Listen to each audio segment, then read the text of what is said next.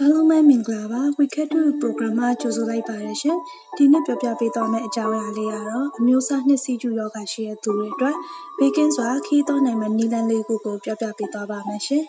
ခီးတစ်ခုသွားရတော့မယ်ဆိုရင်ကျမအောင်နေထိုင်ဖို့နဲ့စီးကျူကိုထိန်းချုပ်ဖို့အတွက်အစီအစဉ်တွေကိုကြိုတင်ပြုလုပ်သင့်ပါတယ်နော်အစားစားချိန်တွေပြောင်းလဲတာကုလလှုပ်ရှားမှုတွေနဲ့အချိန်ကွာခြားမှုတွေဟာယောဂထိန်းချုပ်မှုမှာအရေးပါပါတယ်အဲဒါကြောင့်ခီးမသွားခင်အောက်ပါအချက်တွေကိုသိထားသင့်ပါတယ် နံပါတ်1ကတော့ကျန်းမာရေးစောင့်ရှောက်မှု ထောက်ပံ့ပေးသူကိုပြောပြပါ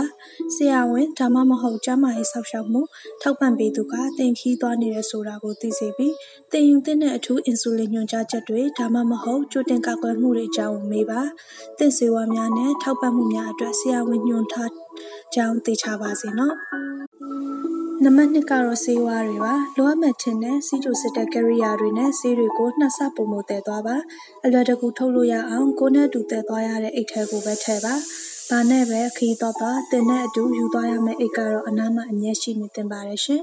အင်ဆူလင်နဲ့ဆေးထိုးပြုံတွေသွေးစီးစစ်တဲ့ကရိယာတွေစီးကျိုတိုင်ဆက်အတွက်ဘက်ထရီအပိုတောက်ဆေးတွေပိုးသက်ဆေးလိမ့်စေ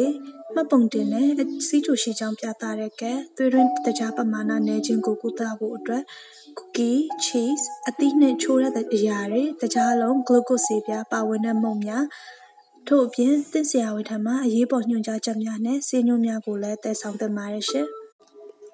နံပါတ်3ချက်ကတော့အစာကောင်းကောင်းစားပါကားနဲ့ခီးသွားမယ်ဆိုရင်လမ်းမှာစားဖို့နဲ့ရောက်တဲ့အချိန်စားဖို့ပါမုတ်တွေကိုတည်သွားတင်ပါတယ်